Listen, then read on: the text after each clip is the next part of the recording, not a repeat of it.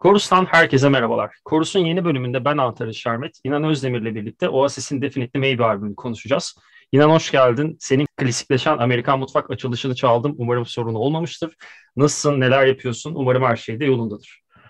Ee, çok teşekkür ediyorum davetin için. Ee, açılış çalmanda hiç sorun yok. Zaten benim açılışım da hiç orijinal bir açılış değil. Sadece seyircilerin sorudan söylemesiyle farkına vardım ve devam ettirdiğim bir gelenek oldu. O yüzden istediğin gibi çalabilirsin. Okey. E, hatta bu galiba ilk Uğur Ozan Sulak'la yapmışsınız. İlk Amerikan Mutfağı yanlış hatırlamıyorsam. İlk bölümden bile tonlamana kadar birebir devam ettirmen de hani şey söylenir ya biraz Oasis konuşacağız ama farklı bir yere gelecek. Arctic Monkeys için hep söylenir ya canlı da izleme şansım olduğunda fark etmişim. Albümde birebir her şeyi duyarken canlı bir o kadar alakasız çalarlar diye. Sen de baya hani canlı kayıt fark etmeksizin hepsini birebir aynı tonu kullanarak e, bizleri bu şeyi hafif trolleme diyebilirim. Öyle çalmamıza vesile oldun. Öyle bir durum. Ee, ayrıca Korus'a da geldiğine, gelmene çok sevindim. İlk sezonun ortalarından beri uğraşıyorum seni getirmek için aslında. Artık en son attığım maillerle şu ikilemi yaşadım dürüst olmam gerekirse. Bir mail daha atarım, bir tane daha atarsam büyük ihtimal avukatına yönlendirecek beni. Artık taciz noktasına gidiyordu. Estağfurullah. Benim orada şöyle bir sıkıntım var. Ben maalesef çok ıı, ne diyeyim yani işimi disiplinli yapmaya çalışan biriyimdir. Ama kendi şahsi hayatını böyle yaşamaktan da çok hoşlanan biriyim. O yüzden işte mail cevaplama, WhatsApp'a sürekli bakma, işte Twitter'da gelen mesajları kontrol etme konusunda bazen çok ciddi hatalar yapabiliyorum. Çok nazik mesajları kaçırabiliyorum, çok nazik davetleri kaçırabiliyorum. Bir yandan suçluluk hissediyorum ama bir yandan da yani çocukluğumdan beri hiç öyle şeylerle iyi olmadım. Yani e, böyle birebir çalışma, bir şeyi unutmama, her notu alma, herkese cevap yazma konularında. Yani ayıp ettiğimi biliyorum, sana da ayıp etmişimdir. Estağfurullah, o yüzden sonunda estağfurullah en nihayetinde geldiğim için çok mutluyum. Yani hiçbir zaman kötü bir niyetim olmuyor ama bazen kötü anlaşılabiliyor yaptığın eylemler. Ee, sen öyle hissettirmesen bile. Ya yok estağfurullah. Hani o ufak yayın öncesinde sohbetimizden öyle bir e, yakınlık hissettiğim için böyle bir sataşmayı tercih ettim. Orada dediğinin birebir aynısını ben de yaşıyorum. Ya, e, son bir iki senede işte biraz daha yoğunluk artınca biraz da yaş da ilerlemeye başlayınca sen de benzer yaş aralığında sanırım bu hafif medyanın içine dahil olma süreci gelişmişti. Not defteri aldım kendime. İçine her şeyimi nokta nokta not yazıyorum ki buna rağmen yetişemiyorum. WhatsApp'ta birçok arkadaşım yani 5 gün sonra cevaplamasan çok iyi bir arkadaşsın ları söylüyor. O yüzden çok iyi anlıyorum. bu sohbetimizin de ardından ben istersen yavaş yavaş müzik sularına gelelim. Birazdan Manchester'ımızın aslında bir Liverpool taraftarıyım ama Manchester'ı öveceğiz bugün. Hatta Manchester'a bile ufak ufak belki Stone Roses'lara e, bilinç akışından ilerleriz. Benim ilk sorum e, ilk sezonun ortalarında çok kullanıyordum. Sonra bir arada ufak kopmalar oldu ama bu sezonla beraber her yayına tekrar tekrar sormayı unutmamayı umuyorum. E, sen 91 doğumlusun ve e, 90'ların sonu ve 2000'lerin ilk yarısı diye tahmin ediyorum. Hem e, daha sonra ilgi alanlarının, hobilerinin bir noktada senin kişiliğine de etki ettiği yıllar diye tahmin etmekteyim o süre zarfını. Ve buralarda da e, bir müzikle alakanın olması için bir müzik dinlemede bir bazı alışkanlıklara, bazı reflekslere sahip olmak diye sahip olmak gerekiyor diye tahmin ediyorum. Burada da e, mesela İnan Özdemir müzik dinlemeye başladı. Oasis'i bunun ardından geçecek. Belki içinde sen hikayeye başlamak istersin.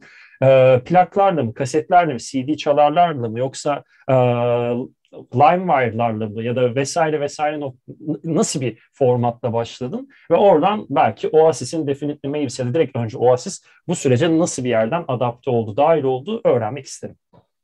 Ee, çok klasik başladı abi. Ben e, iki tane ablam var benim. E, benden bir tanesi 3 yaş büyük, bir tanesi 8 yaş büyük.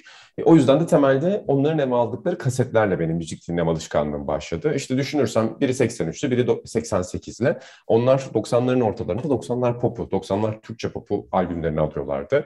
E, onların arkadaşları yine bize geliyorlardı. O yüzden benim 90'ların sonunda 2000'ler başında dinlediğim her şey aslında onlardan bana kalan, onların bana aktardığı CD'lerdi ya da kasetlerdi diyelim. Çünkü o zamanlar CD çalarımız galiba yoktu. Genelde kaset çalar üzerinden gidiyorduk. İşte o kaset çalarların klasik olarak o bozulması, geri sarma, ileri sarma, onu çıkarma, tamir etme şeylerini görüyordum. Bunun yanında şöyle şeyi de hatırlıyorum. Yani büyülendiğim noktalardan biri şuydu. Düşünmemiştim bunu şimdi aklıma geldi. Kuzenim benim işte Fransa'da yaşayan kuzenim Ki iki kuzenim de e, çok ciddi müzik hayranıdır. E, Turgay abi ve Tuncay abi. E, büyük olan çok daha nadir geliyordu 90'ların sonunda Türkiye. Sonrasında temelli geldi 2000'lerin başında. Küçük olan da yazları tatillerde geliyordu ve tatillerde geldiğinde Tuncay abi hep böyle e, kocaman CD şeyleriyle gelirdi. CD ne diyelim yanında taşınabilir şekilde tuttuğunu klasörler vardı. Şey vardı hatırlıyorum. Ha, bu içine böyle her şeyi dizerdin onlardan böyle içine 70-80 tane CD sığan. Abi inanılmaz bir şeydi o. Yani onun içinde her şey vardı. 90'ların ortasındaki işte trip hop'lar vardı, Euro trash'ler vardı, Pink Floyd'lar vardı, Metallica'lar vardı, grunge müzik vardı. Yani birçok müziği dinlemesem bile isim, albüm aşinalığı benim o şeyleri çevirirken başladı. Yani elimde hatırlıyorum o şeyleri çevirdiğimi ve çoğu müziği bilmesem bile onları çevirirken yaşadığım bir coşku, bir mutluluk hali vardı. O günlerde biraz yabancı müziğe girmeye başladım. Yani Türkçe pop'un kalitelerini dinliyorduk. E, ablamlar da yabancı müzik dinliyorlardı. Kuzenlerimin getirdiği CD'ler vardı ki sonradan kuzenlerimle konuştuğumda ben onların işte 80'ler sonra 90'lar başı Fransa'sında herkesi konserine gittiklerini gördüm ve çok kıskandım. Yani işte Nirvana konseri anıları var, Pink Floyd'u izlemişler. İşte Brüksel'e gidiyorlar, bir gece arabada yatıyorlar çünkü ertesi gün orada e, o dönem çok dinledikleri işte atıyorum Pearl Jam çıkacak. Yani bütün o müzik akımlarını, bütün o benim defterlerde, kitaplarda gördüğüm grupları can, kanlı canlı izleyen birileriyle tanışmış olmak çok ciddi bir heyecandı.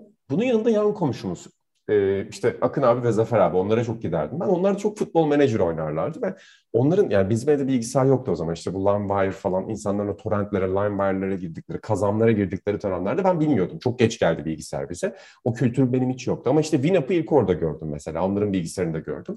Ve onlar çok ciddi metal dinlerlerdi. Yani inanılmaz bir metalik hayranlıkları vardı. O yüzden futbol menajer ve Metallica, işte kuzenim, kuzenlerim ve Avrupa müziği, ablamlar ve Türkçe müziği derken böyle üç farklı koldan e, müzik aşinalığı oluşmaya başladı bende. 13-14 yaşına kadar genelde onların etkisinde oldum. 13-14 yaşından sonra kendi kararlarım, işte kendi müziğim diye belirlediğim müzikleri dinlemeye başladım. Biraz eve ben 15 yaşındayken bilgisayarın girmesinin de burada güzel bir etkisi oldu. Sonunda bilgisayara kavuşmuş oldum, internete kavuşmuş oldum. Ve o dönemlerle birlikte işte Tool'dan Oasis'e, Blur'dan Superchunk'a, işte Husker Du'dan R.E.M'e kadar kendi müzikal yolculuğumu oluşturma şansım oldu. Harika. Ee, şimdi Oasis'in de adı geçtiyse o halde Oasis'in e, bugün burada konuşulması, konuşmamıza dahi vesile ol, olacak. İnan Özdemir'e dokunması nasıl bir yerden başladı? Hani önce Oasis'te tanışman ve onun etkilemesi ardından onun e, senin hayatında nasıl daha üst bir rol alması ya da Liam Gallagher'ları Oasis'in 2009'da dağıldığı için canlı izlediğini sanmıyorum. İzlediysen de bir e, şey yaparım yani hakikaten ağlayarak günlüğüme yazabilirim. Ama en azından Liam Gallagher'ı izlemişsindir diye tahmin ediyorum. İstanbul'dakine ben gidememiştim. Brüksel'de izledim onu iki sene sonra. Ama e, öncesini bir hikayeni daha kap, detaylı ve katmanlı bir şekilde dinlemekten mutluluk duyuyorum. Tabii abi İstanbul'da Liam Gallagher'a gittim. Bir de en son Rockfellster'e gittiğimde Noel Gallagher'ı dinledim. Ha. Ondan sonra hatta Noel Gallagher'ı dinledim. Noel Gallagher'dan bir gün önce e, Damon Albarn'ın Gorillaz'ı vardı. Aa. E, Damon Albarn ve Noel Gallagher aynı hafta içerisinde rock marşlarda dinleme şansım olmuştu. Benim için çok gerçekten büyülü bir deneyimdi. E, her ne kadar hani Gorillaz'ı Blur kadar sevmesem bile yani. çok gerçekten büyülü bir deneyimdi. Oasis'e nerede sardığımı açıkçası hatırlayamıyorum. Mesela sen bana hayatının albümü ne diye sorduğunda şey de düşündüm. Definitely Maybe ve What's the Story of Morning Glory benim uzun yıllar boyunca hayatımın albümleriydi. Fakat son 5-6 senede mesela en çok dinlediğim albümler arasında girmezler. En çok dinlediğim 10 albüm arasında bile yoklardır. Ama her seferinde şunu fark ediyorum. İşte bu hafta seninle konuştuktan sonra podcast öncesi Supersonic belgeselini izlerken, albümleri tekrar dinlerken daha fazla dinlediğim gruplar olsa bile hiçbiri Definitely Maybe ve işte Morning Glory'yi dinlediğimde yaşadığım hisleri bana yaşatmıyor açıkçası. Yani başka bir tarafı var onun. Hani o grubu sonra sonsuza kadar dinlemiyorsun. Ben hiçbir şeyde o yani hiçbir zaman ilk tanıştığım en çok sevdiğim şeyleri sonrasında devam ettirmedim. Sinemada da futbolda da bu böyle devam etti. Zevklerim, tutkularım dönem dönem değişti. Ama böyle zamanın bir noktasına kilitlediğim bazı hisler var. O hisler sürekli açığa çıkıyor. Aslında bende öyle bir etki bıraktı. İlk tanıştığım yeri hatırlayamıyorum açıkçası. Muhtemelen Wonderwall klibidir. Yani Wonderwall klibini 90'larda görmeden yaşamak imkansızdı ya da Wonderwall duymadan yaşamak imkansızdı. Ablamlar vasıtasıyla tahmin ediyorum Wonderwall'u öyle dinledim. Sonrasında çünkü şeyi hatırlıyorum daha küçükken filmlerde hep akustik performansı çıktığında Wonderwall'un ya da çaldığında şarkıyı bildiğimi hatırlıyorum. Yani şarkı bende aşina. Hatta sonra klibi izlerken de ya ben bu klibi çok çok küçükken de izlemiştim diye düşündüm defalarca. Öyle bir başlangıç var ama esas manyaklığım lise 1, lise 2 civarında oldu. Bunun da sebebini tam olarak anlayamıyorum ama herhalde şöyle bir nokta var. Yani kendini, kişiliğini geliştirmeye çalıştığın, kendini konumlandırmaya çalıştığın bir yer var hayatta. Ve orada bir rol model seçiyorsun. İşte bize en son Amerikan mutfakta da sordular. İdolleriniz kim diye. Böyle sıkıcı bir cevap verdi ama bunu yol üzerinde çok düşündüm. O dönemlerde 15-16 yaşında bile Liam Gallagher ve Noel Gallagher'la tanıştığımda, onların hayatlarına dair bir şeyler okuduğumda onların tırnak içinde söyleyeceğim öküz herifler olduğunu anlamıştım. Yani bunu anlamak çok mümkün değil. Onların konuşmalarına bakıyorsun.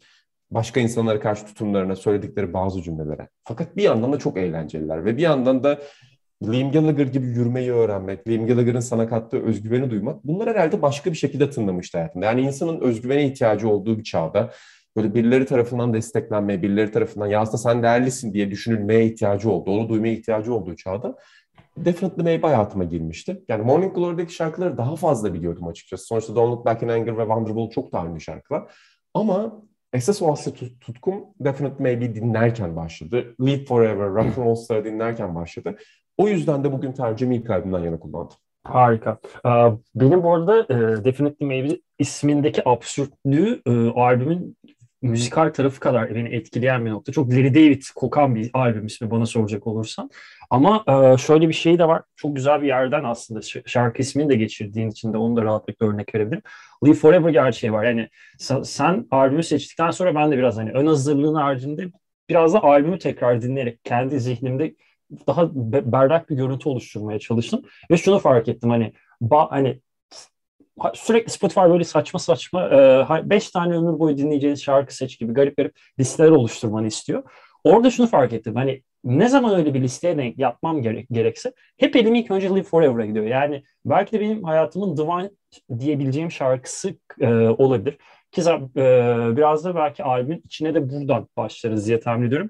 E, veya senin için de uygunsa Live Forever ya benim için Oasis'i de geçiyorum. E, Britpop'tan daha büyük bir şarkı benim benim açımdan hani Wonderwall'lar ya da Blur'un yaptıkları pulp'lar, süetler varken bu çok e, subjektif bir yorum. Bunun farkında olmakla beraber. Ama şu da bence güzel bir nokta. Bunun bu arada albümün tüm şarkıları hani e, Noel Gallagher tarafından yazılıp besleniyor ama şu var Noel Gallagher'ın ve Liam Gallagher'ın annesi e, şu an Peggy'ydi yanlış hatırlamıyorsam annelerin evet. ismi. O dönem işte tam bu albüm yazıldı. Şarkı, bu arada eş zamanda şöyle garip bir bilgi var.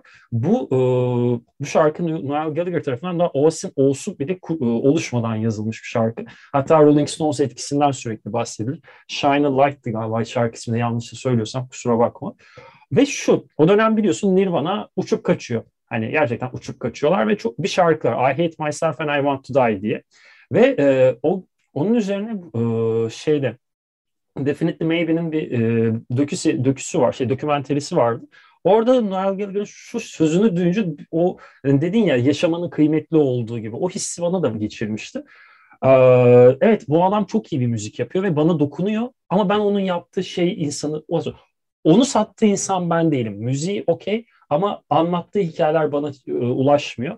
Ee, annem bir sağlık problemi yaşıyor ve ben sonuna kadar yaşamak istiyorum. Hayatta sadece yaşamak ve yaşamayı seviyorum ve yaşamayı istiyorum. Bu yüzden de Live Forever yazdım. yazdığım gibi bir e, bence şarkının bu kadar insanlara geçmesindeki temel noktalardan biri şarkı üreten insanın bu o an en büyük açlığının yaşamaya karşı oluşması e, gibi bir yerden ben Live Forever'ı severim. Bir de e, single'ında bilirsin e, John Lennon yani Oasis için hayranlık mertebesinin zirvesindeki Beatles'tan John Lennon'ın doğduğu evi de kapağa koymaları bir düşman tırnak içinde düşman şehirden Liverpool'dan koymaları da ayrı ufak bir abesliktir. Ben o öyle bir giriş yapmak isterim Live Forever'da. Ee, söylediğin nokta çok önemli. Zaten e, Noel Gallagher ve Liam Gallagher da hep bu Nirvana kontrastından bahsederler. Çünkü dönemin en büyük müziği, en büyük müzik konu. 90'lardan kalan en büyük müzik konu. Ee, Kurt Cobain sonuçta. Fakat benim için de önemli noktalardan biri o. Mesela Definitely Maybe'nin sözlerine bakalım ya da işte Live Forever özelindeki sözlere bakalım. Nefes almak, yaşadığını hissetmek, işte mutlu olmak. Supersonic'te de vardır bu. İşte Rock and Roll Star'da da vardır yani o anda hali hazırda yaşadığın hayattan daha başka şeyleri hissetmek istemek Bütün bunları albümün içerisinde görüyorsun. Beni çeken noktalardan birinin bu olduğuna inanıyorum. Başta müzik beni çekiyor açıkçası. Yani ben o Aslı ilk dinlediğim dönemde böyle ben hiçbir zaman çok sözlere dikkat eden bir insan olmadım zaten ama sözleri yalandan eşlik eden insanlardan oldum. Yani duyduklarımı böyle yalandan uydura uydura söyleyenlerdenim. O yüzden Bates konser... Motel Pro videosu gibi. Bilmediğin evet, sözleri öyle. salla. O yüzden konserlerde falan video çekerken yanınızda ben varsam hani salladığımı görürsünüz mesela. Yani bir şekilde sallayan insanlardan olurum. Ama e, Oasis'te şeyi hissetmiştim. Mesela sunshine kelimesi çok geçer Oasis'te. Morning kelimesi çok geçer. İşte garden kelimesi çok geçer. Supersonic kelimesi çok geçer. Alive kelimesi çok geçer. Yani bütün bunlar aslında çok da şairane hayatlar sürmeyen, çok kitap okumayan bu kardeşlerin dünyasını anlatmak açısından çok güzel. Çünkü onlar da çok fakir bir yerden gelmişler. Bugün herkes biliyorlar zaten. Manchester'ın toplu konutlarından, işçi sınıfından çıkmışlar. Babaları ortada yok. Ee, ya da babaların olduğu dönemde de babaları onlara şiddet uygulamış. Özellikle Noel'e şiddet uygulamış. Şimdi buradan bakınca durdukları küçük dünyada ki Thatcher İngiltere'sinde büyüdüklerinden bahsedelim bu insanların. Durdukları küçük noktada işsizlik çekleriyle, işte annelerin üç iş yapmasıyla, kendilerinin okuldan atılmasıyla ya da okulda sorunlar yaşamasıyla büyüdükleri bir hayat var. Ben bu deneyimlerin bir parçası değildim. Yani ben de çok zengin bir ailenin çocuğu değildim. Orta sınıf, orta alt sınıf bir ailede büyümüştüm. Ama durduğum yerde insan şeyi hissediyor. Yani ne olursa olsun sen nerede büyürsen büyü kendinden başka bir hayatın olduğunu hissediyorsun. Dünyada başka bir hayat yaşıyor ve sen onun akıyor ve sen onun bir parçası olmak istiyorsun. Bence bu albüm onun hissettirdiği açıdan da çok güzel. Yani Live Forever onu söylüyor sana. Yani sonsuza kadar yaşamak istiyorum. Detaylarla çok uğraşmıyorum. Sonsuza kadar yaşamak istiyorum. Mesela Rock and Roll Star'a bakıyorsun abi. Rock and Roll yıldızı olmayan insanların Rock and Roll Star olmak istemesi üzerinden. Yani hepimizin sahip olduğu bir his. Birimiz futbolcu olmak isteriz, birimiz sinemacı olmak isteriz, en ünlüsü olmak isteriz. Yani burada da aslında başlarına ne geleceğini hiç bilmeden rock'n'roll yıldızı olmayı düşünüyorlar. Onların ironisi rock'n'roll yıldızı olabiliyorlar ama yani bütün albüme baktığında, bütün şarkılara baktığında o hissi görmek, o kelimeleri görmek beni çok etkiler hala geri dönüp düşününce de. Yani bir de Rock'n'Roll Star'ın albümün açı, Oasis denince duyduğumuz ilk şarkının Supersonic single'ını kenarda bırakıyorum. Albüm olarak duyduğumuz ilk şarkının ve sürekli kendilerinden de biz de henüz albümümüzü duymanız ama gelmiş geçmiş en büyük müzik grubuyla tanışmak üzeresiniz deyip açılış şarkısına Roll Star'ı vermeleri de o abesliği aslında biraz da kuru özgüven gibi dursa da farklı bir yerden de galiba biliyorlar o işin tutacağını. Çünkü şöyle de bir nüans var. 92 ya da 93'te yanlış hatırlamıyorsam ilk işte Believe Forever'ların vesaire Shaker Maker'ların Slide Away, Slide Away değildi. Bir şarkı daha var şu an e, Columbia olması lazım. Onların bulunduğu 2-3 tane de coverlı bir e, 6 şarkılık bir EP'msi asla yayınlanmayan bir şey yapıyorlar. Ve dönemin plak şirketleri bayağı bunlara tutuluyor iyi anlamda. Hani oha hakikaten oha ve çok iyi bir cevherle karşılaştık. E, hissi ki o dönem Blur'ün de e, tam 92 yanlış hatırlamıyorsam 91 de olabilir ilk albümün çıkışı. Tam Blur ve Brit, Britpop'un patladığı Britpop'un patladığı yerde ona e, bir kontrast oluşturabilecek bir grup görmeleri o da farklı bir yerden e, Rock and Roll Star girişinin cesur ama bir o kadar da mantıklı bir e, seçim olduğunu düşündürüyor bana. Ya bilmem ne dersin. Kes, Gerçekten öyle bir de çok sert bir giriş var bir yandan. Zaten o kayıt süreçlerinde de daha sert, daha yüksek, daha gürültülü yapmaya çalışıyorlar. Biraz hatta böyle punk grubu gibi onları konumlandırmaya çalışıyorlar. Çünkü 80'ler sonu İngiltere'de dans müziği çok etkili. Yani elektronik müzik çok geliyor. Zaten yani çok anlatmaya gerek yok burada. Ben çok uzman olmadığım bir konudan bahsediyorum. O yüzden bilmeyenler affetsin, bilenler affetsin beni, mazur görsünler. E, ama sonuçta 80'ler sonrası Joy Division'ın da artık müzikten kopuşu. İşte New Order üzerinden başlayışı, Ian Curtis'in ölümü sonrasında hep dans müziğiyle etkilenir. Manchester dediğin yerde Hacienda denen bugün bile hala anlatılan kulüp var sonuçta. Herkes Hacienda etkisinden bahsediyor. Hatta Liam Gallagher'ın söylediği şeylerden bir Supersonic belgeselinde herkes Hacienda'ya giderdi ve dans müziğiyle kopardı. Yani bütün bunlar bana çok anlamsız geliyordu diyor. Çünkü onlar daha basit, daha sert, gitarların önünde olduğu bir müzik yapmak istiyorlar. Rock'n'Roll Star'da da şeyi anlatıyor. Hani şehirde diyor, şehirden kaçış çok kolay değil. Günler benim için çok hızlı ilerliyor. Ama gün ışığında bir güne ihtiyacım var diyor. Yani biraz yavaşlamaya ihtiyacım var. Her şey çok hızlı gidiyor eğer kafamdakileri bilmiyorsunuz şu anda ama kafamda hissettiklerim gerçek. Ben bugün rock'n'roll starı olduğumu düşünüyorum diyor bütün albüme yansıyan hissi daha ilk şarkıdan vermek müthiş bir ticari zeka bence. O günlerde ticari hissetmeseler bile tamam arkalarında Creation Records var, Alan McGee var ama çok ticari zekası olan insanlar değil bunlar. Yani yaşıyorlar, kalkıyorlar, müzik yapıyorlar, uyuyorlar. İşte Aynen. bira içiyorlar, kavga ediyorlar. Ama onun ortasında bütün niyetini ilk şarkıdan koyabilmek çok zekice bence. Kesinlikle burada da biraz e, şeye ya, ya, e, albüm kayıt sürecine hafif girdik diye tahmin edip oradan biraz konuyu ele almak istiyorum müsaadenle. Mesela burada e, e, Slide Away, aynen Slide Away'de olması lazım. Şarkının Bonehead'le gitarist sürekli orada istediği tonu alamıyor gitardan bir türlü ve prodüktör ya gayet iyi niye bu kadar zorluyorsun dediğinde Noel Gallagher şu an dillendirmeyi tercih etmeyeceğim bir üslupla e, tekme tokat diyebileceğimiz bir şekilde e, o prodüktörü şu anda adını not aldım mı hatırlayamadım. E, bulamıyorum şu an çok pardon dinleyicilerimize kusura bakmasın. Baya tekme tokat kovuyor. Ve bunun üzerine Oasis'in ne yapmasını bekleriz? Prodüktör bizim istediğimizi yapamıyorsa o zaman biz prodüktör oluruz. Ama şöyle bir şey var hayatlarında bir kere bile kayıt masasına oturmamış insanlar. hani bu aslında benim kastettiğim ve işi keyifli hale getiren nüanslardan biri. Ama burada tabii Noel Gallagher'ın, ya ben Noel ve Liam tarafını da soracağım senin ama ben kendi tarafını cevaplayayım önce. Ben bir Liam Gallagher hayranıyım. Çok e, senin başta e, tırnak içinde dillendirdiğin gibi biraz öküz bir kardeş, biraz öküz bir ikili. Ama Liam Gallagher'ın o öküzlüğünde özellikle bu Manchester City ile ilgili attığı tweetlerdeki o mizah tonunu ben çok seviyorum. Noel bana biraz daha soğuk geliyor. Ya soğuktan da ziyade ifadesiz gelen bir müzisyen. Ama şu var, e, Noel Gallagher sayesinde onun Inspired Carpets diye 80'lerin sonunda çaldığı bir grup var.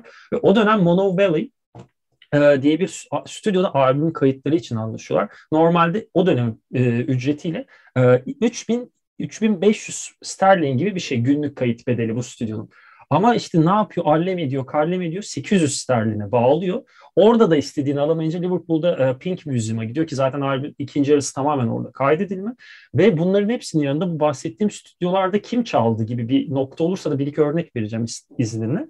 Queen, Led Zeppelin, Rush, Stone Roses ki Stone Roses'un iç, içinden de belki biraz Manchester'ın da yani Manchester'ın e, Oasis ve Blur öncesindeki asıl e, güçlü ayağı Manchester'ı da bir belki adını geçirmiş, ufak bir değinmiş oluruz. Böyle bir nokta var. Ama onların da yanında bir de e, benim çok büyük hayranı oldum The Smiths'ten. Johnny Marr'ın etkisinde e, asla bence küçümseyemeyiz, sayamayacağımız bir noktada. E, albüm masteringi diye dahil oluyor sürece Johnny Marr. Ve burada e, Pete Townsend'in gitarının hediye edilme hikayesi var ki ona şarkılar özeline geldiğimizde istersen geçeriz. Ama e, albüm masteringini diye girdikten sonra e, dedim yani Oasis kimse bize o prodüksiyonumuzu yapıyorsa biz yaparız. Tonundan yaklaştı Johnny Marr. Bir nevi orada e, nasıl söylenir? Şey, David Stern'ın arkasında 90'larda bir iki tane böyle onun av, avukatlıktan gelme ama NBA'de adı da bilinen bir iki yancısı vardı tırnak için. Şu an isimlerini hatırlayamıyorum. Hmm. Tam onlar gibi bence şöyle yapın, bence şöyle yapın diye diye albüm bir nevi prodüktörlüğünde de Johnny Marr oturuyor. Ve e, hafif The Smiths havasında bir yerden bence duyuyoruz albümde gibi bir noktayı da böyle dile getirmek isterim. Zaten yani onların ilham aldıkları gruplardan çok bahsettiklerini görüyoruz. Yani Beatles'tan hep bahsediyorlar zaten. E, Liam Gallagher, John Lennon gibi gözlük ve saç kullandığı dönemler var. E, Stone etkilerinden hep bahsediyorlar zaten. Liam Gallagher, Ian Brown gibi sahnede durmayı çok tercih eder. Yani Ian Brown'ın sahnedeki duruşuna ve hareketlerine baktığınızda Liam Gallagher'ı görürsünüz. E, Noel Gallagher da Johnny Marr'dan ve Smiths'ten çok etkiliyor. Johnny Marr'ın gitar çalışı, stili, sahnedeki konumlanışı ve Smiths içerisinde şarkıları söylemese bile durduğu karizmatik nokta, güç noktası e, Noel Gallagher'ın da kariyerine çok etkili oluyor. O yüzden e, bahsettiğim o elektronik müzikten biraz daha uzak ki 90'larda Chemical Brothers'a falan da iş yapıyorlar ama e, ondan uzak İngiliz rock'n'roll tarihinde, savaş sonrası İngiliz rock'n'roll tarihinde etkili olan birçok gruptan şey alıyorlar ve bunu da hiçbir zaman itiraf etmekten çekinmediler zaten. Ee, doğru. Bu arada şey, e, bu dans müziklerinden bahsederken de aslında dans müziği de kendi içinde evrildi ve dans müziğinin de içinde bir punk etkilerinin daha endüstriyel bir punk tonlarını diyorduk. Yani elbette e, Masif Ataklara ya da Portisetlerden bahsederken tırnak için endüstriyel punk gibi bir tabir kullanmıyorum. Öyle bir e, bilmemezlik gibi bir yerden değil ama o dans tonunun içinde bile bir sertlik varken bunu Oasis tamamen gürültülü rock'n'roll, gürültülü gitar müziğine çok e, bildiğimiz ama bir o kadar da e, kendi nevi şahsına münasip dokunuşlarını kattıkları için de belki. Yani mesela bilmiyorum sen bunu ne dersin şu an soru yoktu aklımda ama şimdi oluştu zihnimde. Pulp'un müziğini ya da Pulp Sweat Blur üçlüsünü arka arkaya dinlediğimizde elbette çok farklı e, tarafları var özellikle vokallerde. Ama müzikal kısımda yani enstrümantal bölgede, armonilerde yer yer benzerlikler gelebiliyor kulağa. Özellikle Pulp'la e, Blur'da ben çok benzer, benzettiğim yerler oluyor. E, hatta sevgili Çetin Cem Yılmaz'la onu konuk ettiğim Different Class bölümünde Pulp'ın. Oradan da Blur'la hafif de, e, yakınlığından değinmiştik. Ama Oasis'e geldiğimizde Oasis'in ilk şarkısından, yayınlanan ilk şarkısından yayınlanan son şarkısına kadar hepsi kendi içinde birbirinin çok benzeri ama diğerlerine göre farklı bir yerde konumlanıyor. Konumlandığı yerde e, o bahsettiğim sadece gürültülü rock'n'roll, pure rock'n'roll deniyorlar. Ve çünkü onlar bunu biliyor. Yani dedin ya çok okumuş etmiş insanlar değiller. Sadece yaşamak istiyorlar aslında çok basit bir yerden. E, rock and roll denen müzik de aslında belki bunu şu an için söylemek çok mantıklı değil ama çok okumuş etmiş bir müzik değil gibi durur. Sadece yaşamak ister, sadece kendi varlığını devam ettirmek isteyen müzik. Oradan bence güzel bir eşleniklik kuruluyor ortam, e, denklemde. Böyle bir nokta var ki buradan da e, sana bir diğer sorumu yönelterek albümün e, görsel tarafına geçmek istiyorum istersen. Ee, senin için albüm kapakları ne kadar önemlidir? Ya da bir albümü dinleyeceğin zaman onun albümünün kapağını gördüğünde ilgini çeker ve dinler misin? İlk bunu sormuş olayım. Ee, yani şöyle abi eskiden daha çok ilgimi çekiyordu ama şu an çok dikkat etmiyorum. Çünkü özellikle son 10 senede biraz indie müzik estetiği içerisinde sürekli aynı tip bir kapak yapılmaya başlandı. Yani daha düşük bütçeli, nostaljik tonlu, pastel renkli görüntüler çok kapaklarda kullanılmaya başlandı ama e, eski albümlerin kapaklarına bakmayı seviyorum. Harika. Benim de aslında almak istediğim cevaplardan biri oydu. Ben de Ruby Williams'ın Eskapolojisi'nin e, kapağına tutulup 4-5 yaşında oradan zaten bu tırnak içinde müzik batağına düşmüştüm. bu albümün kapağına gelmek istiyorum. Müziğini duymadan grubu tanımak için çok ideal bir e, görsel forma sahip kapak.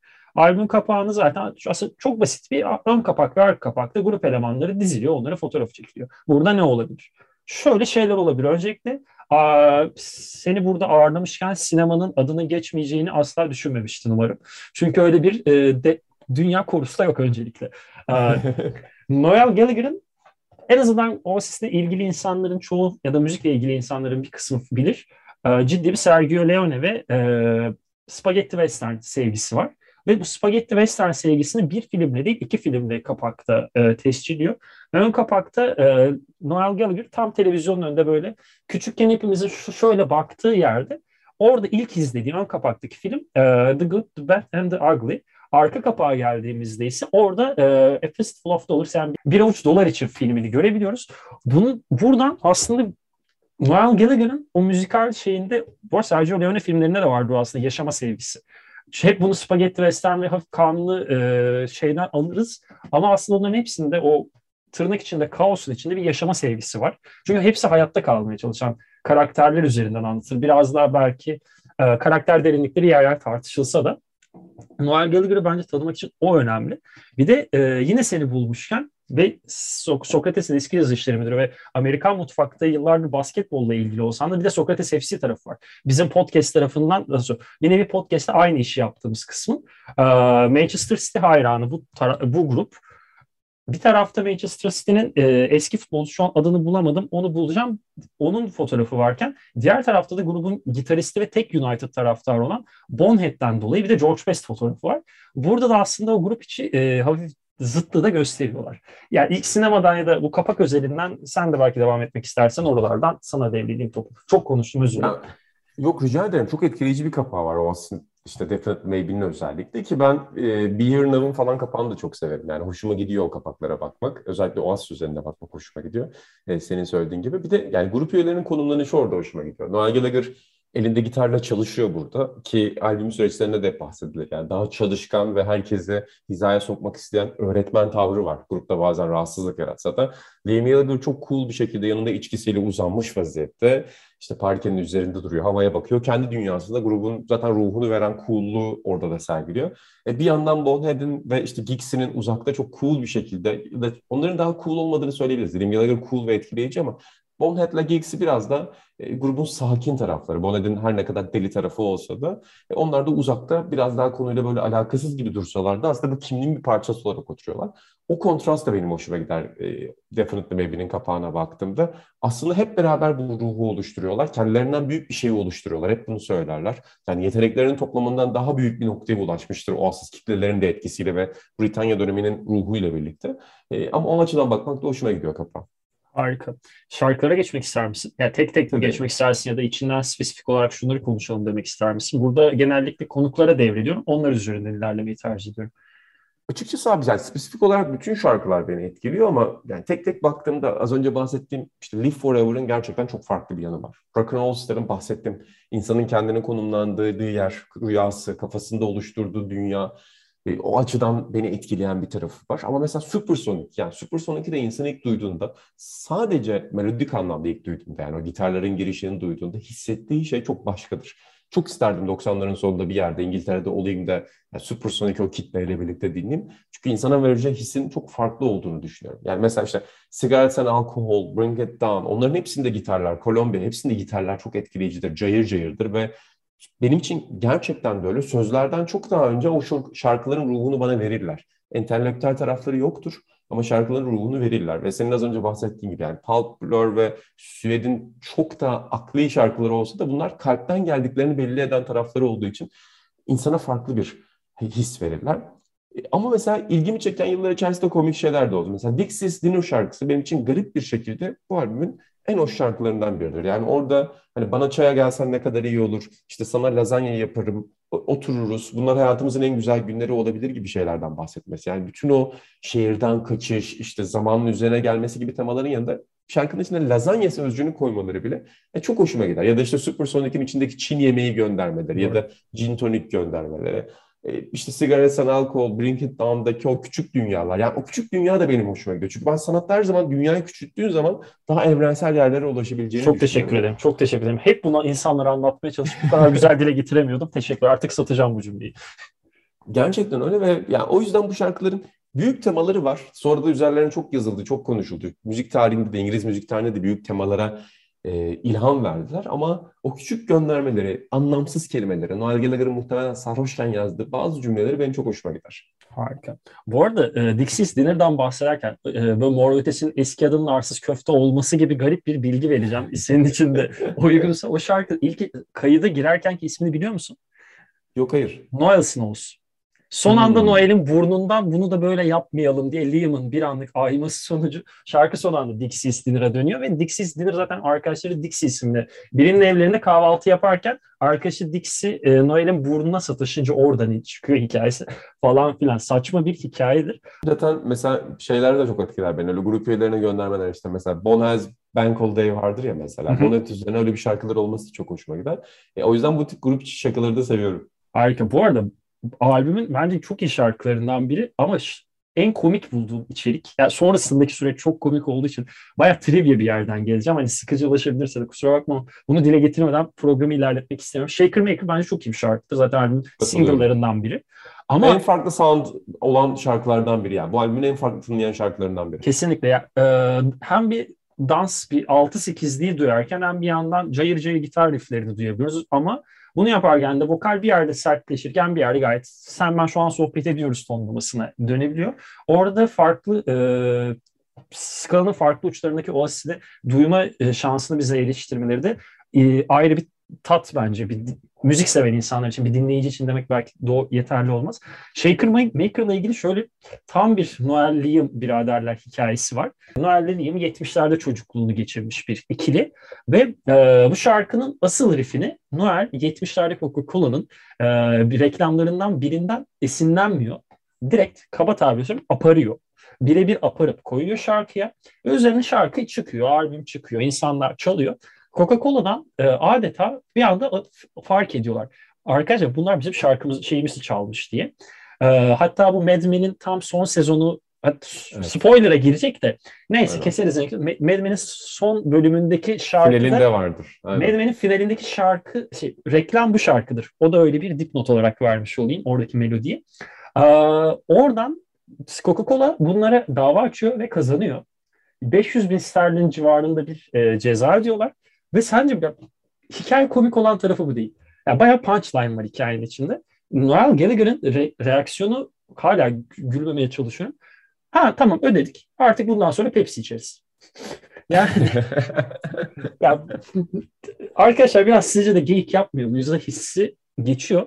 Aa, bu arada hani hikayesinden bağımsız albümdeki sevdiğim şarkılardan biri ama ben de hani az biraz daha başlarda söyledim. Be Forever çok hani benim divanım olabilir bütün müzik tarihindeki şarkılar içinde.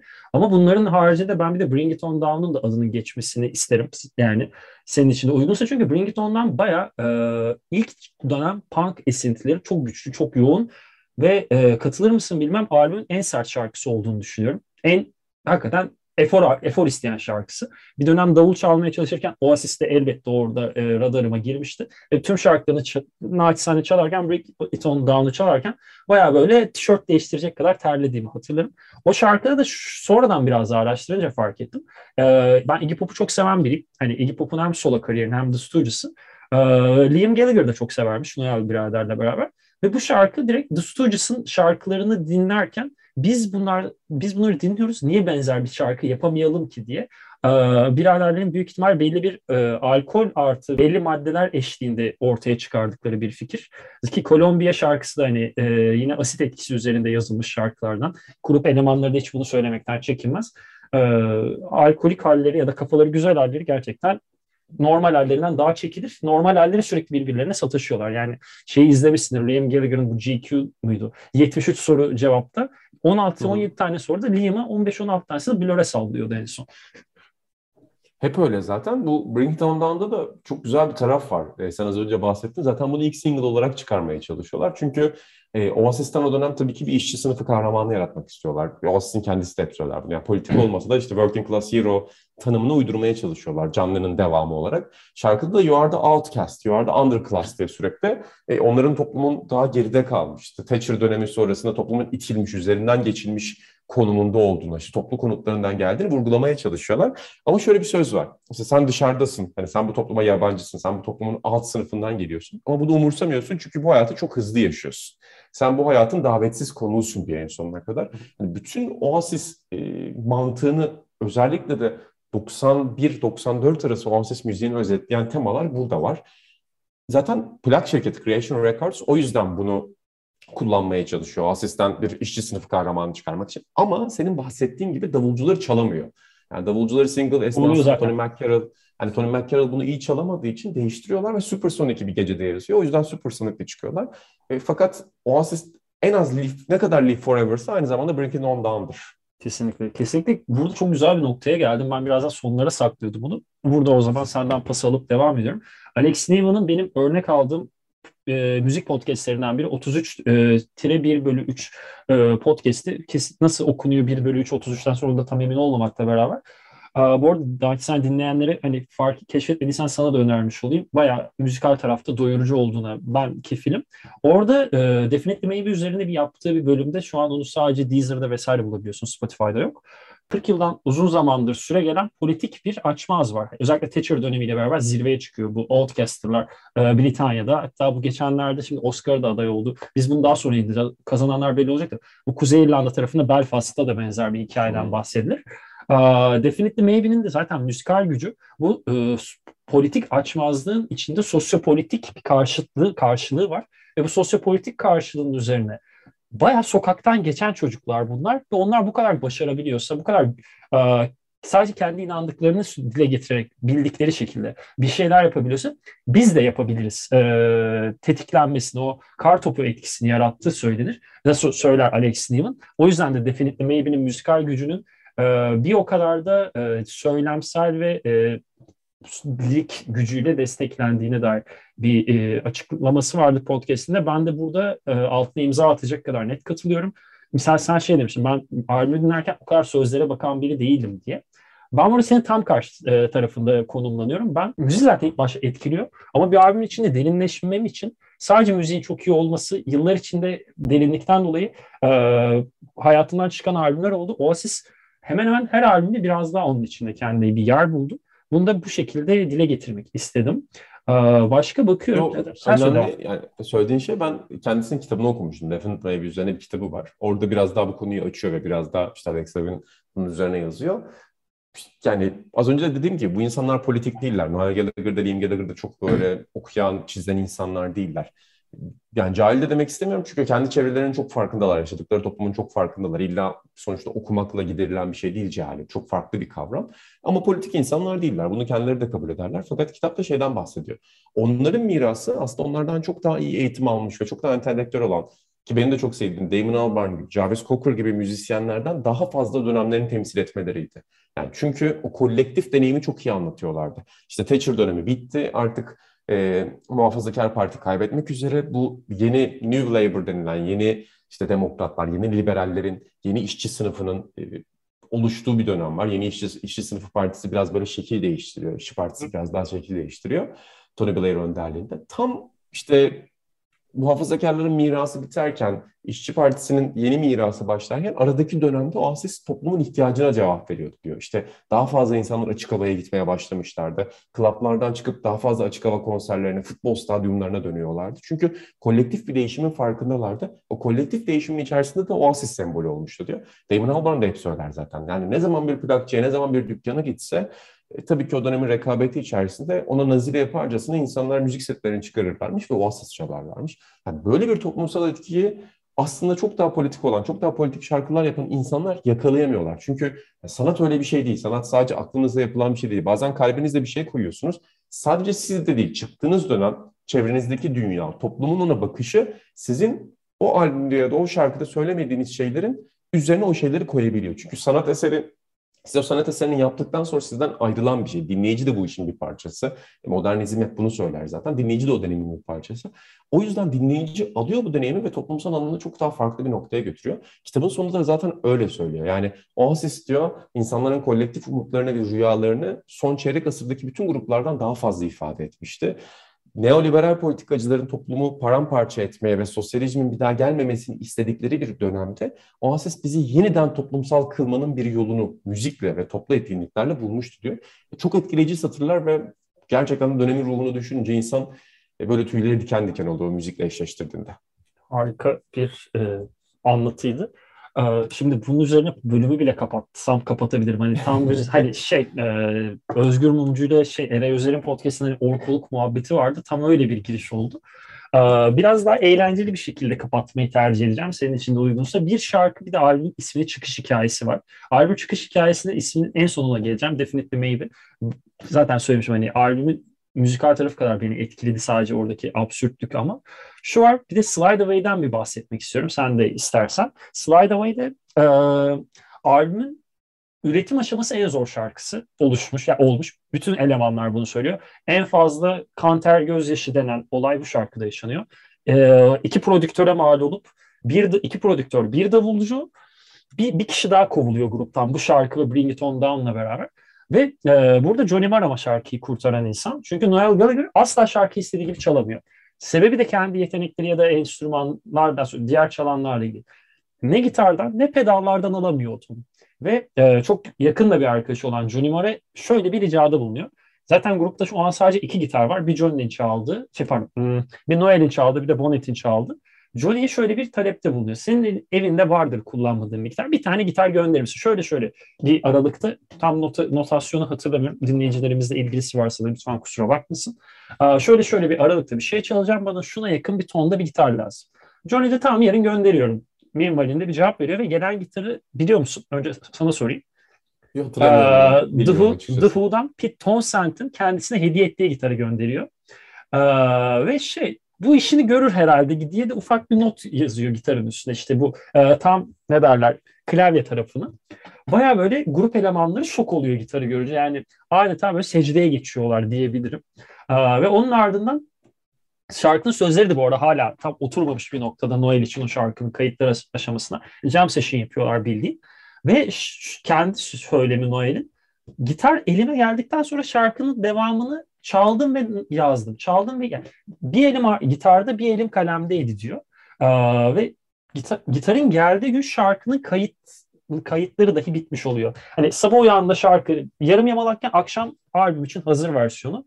Bu da hayranlıklarının hani hep bahsettik ya atıyorum The Stooges hayranlığı, Beatles hayranlığı, e, Stone, Stone Roses hayranlığı vesaire.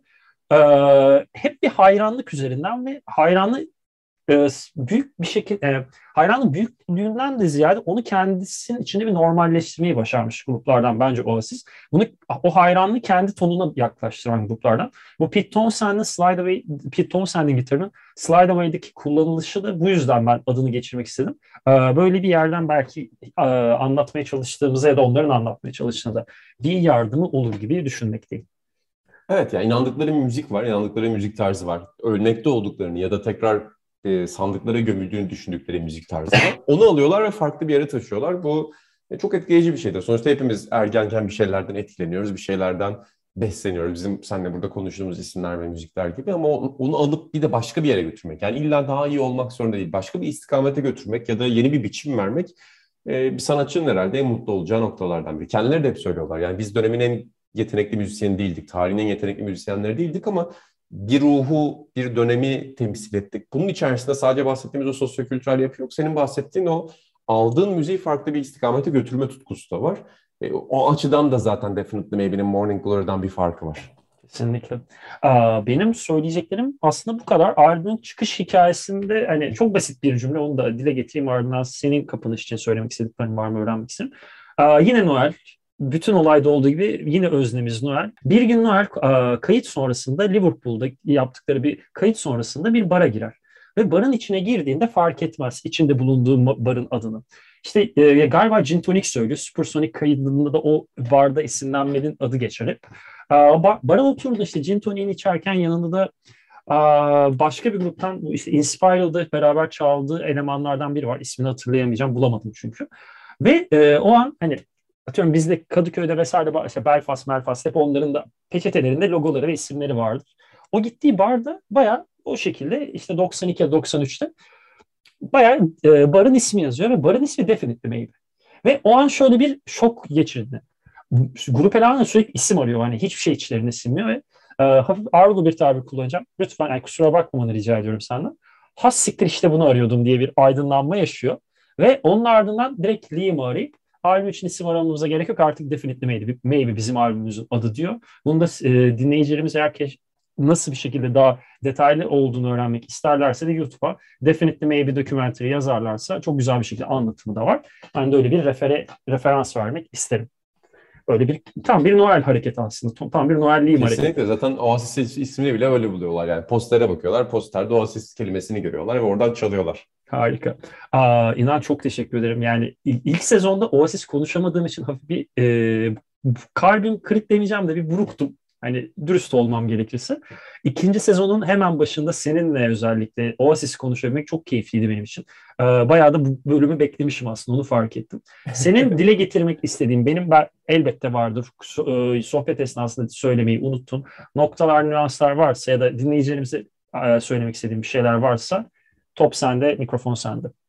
Yani kesin ben de unuttuğum noktalar olmuştur. İnsan konuşurken ağız, e, aklından kaçıyor bazen ama e, en büyük hayallerimden biri bir gün yaşlanmış vaziyette. Onların çok yaşlandığı bir noktada tekrar toplandıklarında yani tekrar toplanacaklarından eminiz herkes kadar. Çünkü ticari bir tarafı da var bunun yani. ee, onların konserlerine gitmek istiyorum. Çünkü benim hayatta en çok sevdiğim şey, maalesef bugünlerde biraz daha zor bunu yapmamız ekonomik nedenlerden ötürü ama mesela sinema ve spor ilgim kadar yüksek bir ilgim yoktur müziğe ya da bir bilgim yok en azından. Sadece meraklı ve tutkulu bir insan olarak dinliyorum. Ama en sevdiğim şey e, konsere gitmektir benim. Bütün hayatımda da yani son 12-13 senede bütün paramı biriktirebileceğim paramı e, konserlere harcadım açıkçası. Yani bugün hala bir tatile çıkmak istediğimde seçeceğim şehri tamamen orada hangi konser var onun üzerine kurguluyorum. Bu küçüklüğümden alış- edindiğim bir alışkanlık ve hayatta en mutlu olduğum tercihlerden biri. Yani ya bisiklet yarışına gidiyorum ya konserlere gidiyorum ve ömrümün sonuna kadar da bunun böyle devam etmesini umuyorum. Stone Roses konserine gitmiştim 2013'te Manchester'daki wow. wow. Reunion konserine gitmiştim arkadaşım, Harika. en yakın arkadaşım Cemil Alan'la birlikte. Orada şey hissetmiştim yani Manchester'ın o puslu havasını görmek, sürekli yağmur yağıyordu, her yer çamur içindeydi. Şehir çok kalabalık, çok gri bir şehir zaten. Liverpool'da çok insanı depresif bir noktaya sokuyordu Londra'dan sonra. Böyle bir tur yapmıştık Londra, Liverpool, Manchester. Ama Manchester'ın üzerine çok bıraktığı, üzerimizde bıraktığı bir gri ton olmuştu. O Stone Roses konserine gitmek, işte Ian Brown'un o çatallaşmış sesini duymak, eskisi kadar iyi olmasalar bile onların sana verdiği hissi dinlemek, çıkışında çamur içerisinde gidip bir işte onların bir kebapçısında bizim bildiğimiz tabirde döner elbette yemek e, bana acayip mutluluk vermişti. O deneyimin aynısından çok daha pahalı bir kurla, çok daha zor şartlarda e, Oasis'ten de istiyorum. Çünkü ta o gün bile onu konuşmuştuk. Yani o Stone Roses konseri içerisinde bile bir gün burada Oasis olacak ve Oasis Manchester'daki toplama konserine gideceğiz. Barışma konserine gideceğiz diye düşünmüştük. Ki iki dakikada bitmişti Stone Roses biletleri de bir şekilde bulmuştuk. Ee, en büyük hayalim o. Yani bundan sonra da e, paramı biriktiriyorum ya bisiklet yarışlarına gitme ya da Oasis gibi grupları takip etmeye devam edeceğim. O zaman sen bir de eski ve yani hala ilgili bir de eski bir bisiklet spikeri olduğun için e, o zaman bir de ben de bisiklet çok, çok ilgili bir dönem Eurosport'un tekrar anlatımlarını da yapmıştım bisiklette. E, o yüzden bir ufak sorum var. Kendi özelimde belki dinleyicilerimizle ilgili varsa. Monumanlar özelinde soracağım. Monumanlardan hangisine gitmeyi önerirsin? Ben Ronde van Flander'da çok yükseğim. Hatta e, o Oden'dim, Odener'de'ye gitmiştim. Ee, bisiklet yarışından bağımsız çok da güzeldi o taşlı yollar vesaire. Ama e, senin önerini alayım belki biraz yaşanabilir bir kurla. Ben de gerçekleştirmek istiyorum o bisiklet yarışı izleme hayalimi. Ronde van Flanderen abi. Yani ben Paris-Roubaix'de işte o velodromda bulunmayı çok seviyorum. Paris-Roubaix'de de gitmiştim daha önce ama Ronde'ye gittim. Hatta bu sene ikinci kez Ronde'ye gideceğim. Tekrardan yani Covid sonrası da yaptığım ilk tatil planı bu işte. Yani gördüğü evet. kadarıyla aynı mantığı hayatıma sürdürmeye devam ediyorum. E, vizem çıkarsa tabii. Hani vize verirlerse dilerim verirler. E, Ronde van Vlaanderen'e gitmek, işte o Paterberg'e çıkmak. Yani az önce bahsettiğim Stone Rose deneyimi gibi. Sadece bisikletçi deneyimi ya da sadece müzik deneyimi değil. İşte orada bir patates kızartması eline almak, bir bira içmek. E, bence bunlar bir insanın hayatında yaşayabileceği parayla satın alabileceği ama parayla satın alabileceği daha yüklü, daha pahalı şeylerden daha değerli bir fırsat. Yani ben bu hep bu deneyimlerin peşindeyim. O yüzden de e, Ronde van Vlaanderen deneyimine devam edeceğim. Yani bu sene gideceğim. Gelecek sene bile tekrar gidebilirim abi. E, dediğim gibi ekonomi el verirse. Ee, şey sen anlatırken sağa sola baktığımın sebebi şuydu. Odener'den Eddie Merckx kitabı almıştım. Şu an yazarı hatırlayamıyorum. Kitapla neresine koyduğumu da bulamadım. Bulsam onu gösterecektim. Benim de 2022'de öyle bir ihtimal yok ama 2023'te yıllık izin de çıkarsa diyerekten de e, vize çıkarsa onlar önemli. E, Ronde hayalim benim de var. Hani bisiklette ilk daha hiç bisiklet etabı da izlemedim. İstanbul'dakiler dahil olmak üzere. Ee, biz bunu yayınladığımızda sen Ronde'ye gitmiş. Ben ilk büyük ihtimal Bağdat Caddesi Taksim etabında izlemiş olacağım bisiklet ama e, yine de dinleyicilerimize de müzik kadar belki bisikletle de ilgili varsa böyle bir e, seni bulmuşken bu taraflardan da tırnak içine kaba tabiri ufaktan bir seni de sömürmüş olduk. çok teşekkür ederiz. Benim için de çok keyifliydi. E, onsuz konuşmak her zaman çok güzel benim için. Harika. Çok teşekkürler geldiğin için tekrardan. Daha daha sağlıklı bir süreçte ikinci sezonu yapıyorum ama hala hep şu dilekte bulunmak çok hala kırıcı geliyor. Daha sağlıklı bir süreçte yüz yüze de görüşüp sohbet etmek dileğiyle diye o halde bitiriyorum. Çok da uzak oturmuyormuşuz zaten onu fark ettim geçenlerde. Şimdi söylemeyeyim kimse bizim adreslerimizi bulmasın ayrı konu. Lakin iyi ki geldin. Tekrar görüşmek, konuşmak üzere. Sizlere de dinlediğiniz için çok teşekkür ederiz. Korus yeni programlarda, yeni albümler ve konuklarla devam edecek. Kendinize iyi bakın. Hoşçakalın.